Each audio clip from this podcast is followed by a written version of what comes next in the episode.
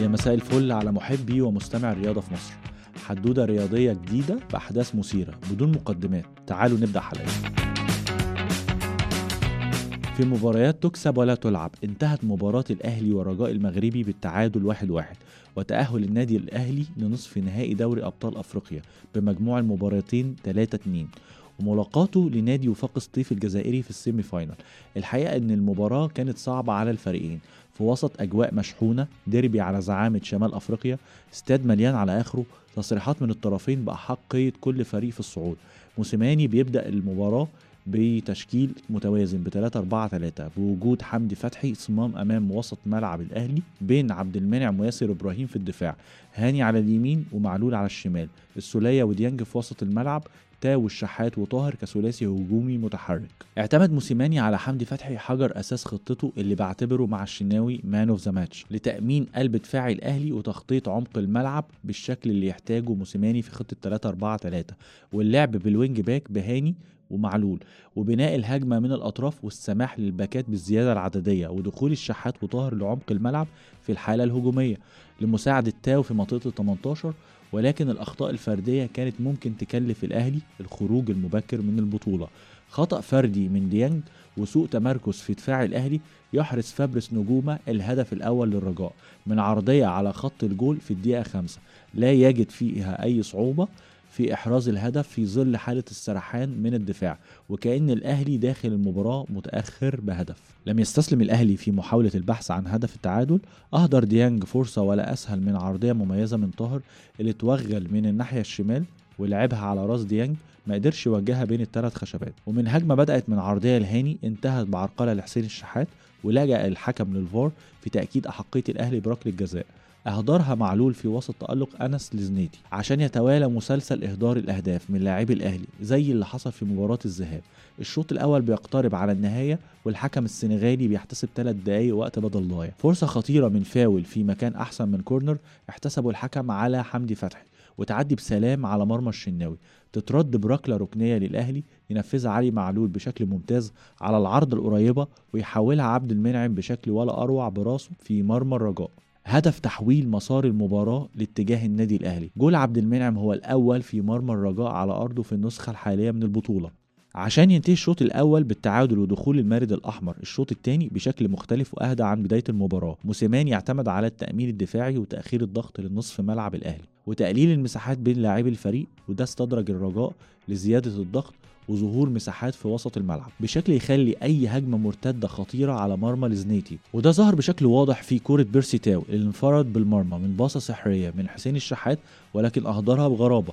فرصة قتل المباراة تضيع على النادي الأهلي. محاولة أخرى بتضيع بعد استعجال شريف اللي نزل على حساب عبد المنعم. بعد تهيئة من صلاح محسن العائد بعد إصابة طويلة ولكن أهدرها بغرابة. وكان من الممكن أنه يلعبها لعبد القادر اللي كان في مكان مميز من المرمى. يتوالى ضغط الرجاء للرجوع للمباراة بإحرازه الهدف ولكن المحاولات انتهت عند الشناوي والدفاع اللي تعامل مع كل الكرات بذكاء.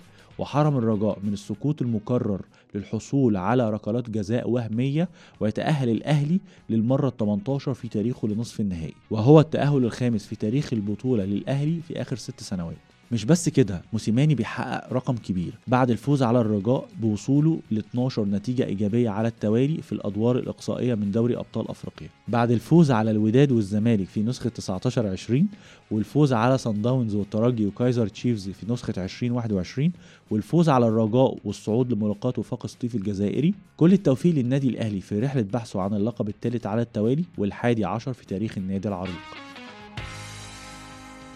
الشياطين الحمر. نادي مانشستر يونايتد بيمر بأسوأ مواسمه على الإطلاق. بعد هزيمة مذلة من ليفربول الأسبوع اللي فات برباعية نجمنا محمد صلاح نجم المباراة بعد إحرازه هدفين وصناعته الهدف الأول لدياز وهدف للمتألق ساديو ماني. مستوى هزيل وعدم انسجام أدى لهزيمة جديدة على إيدين غريمه التقليدي أرسنال بنتيجة 3-1 إدارة النادي أعلنت تعاقدها مع مدير فني جديد للفريق.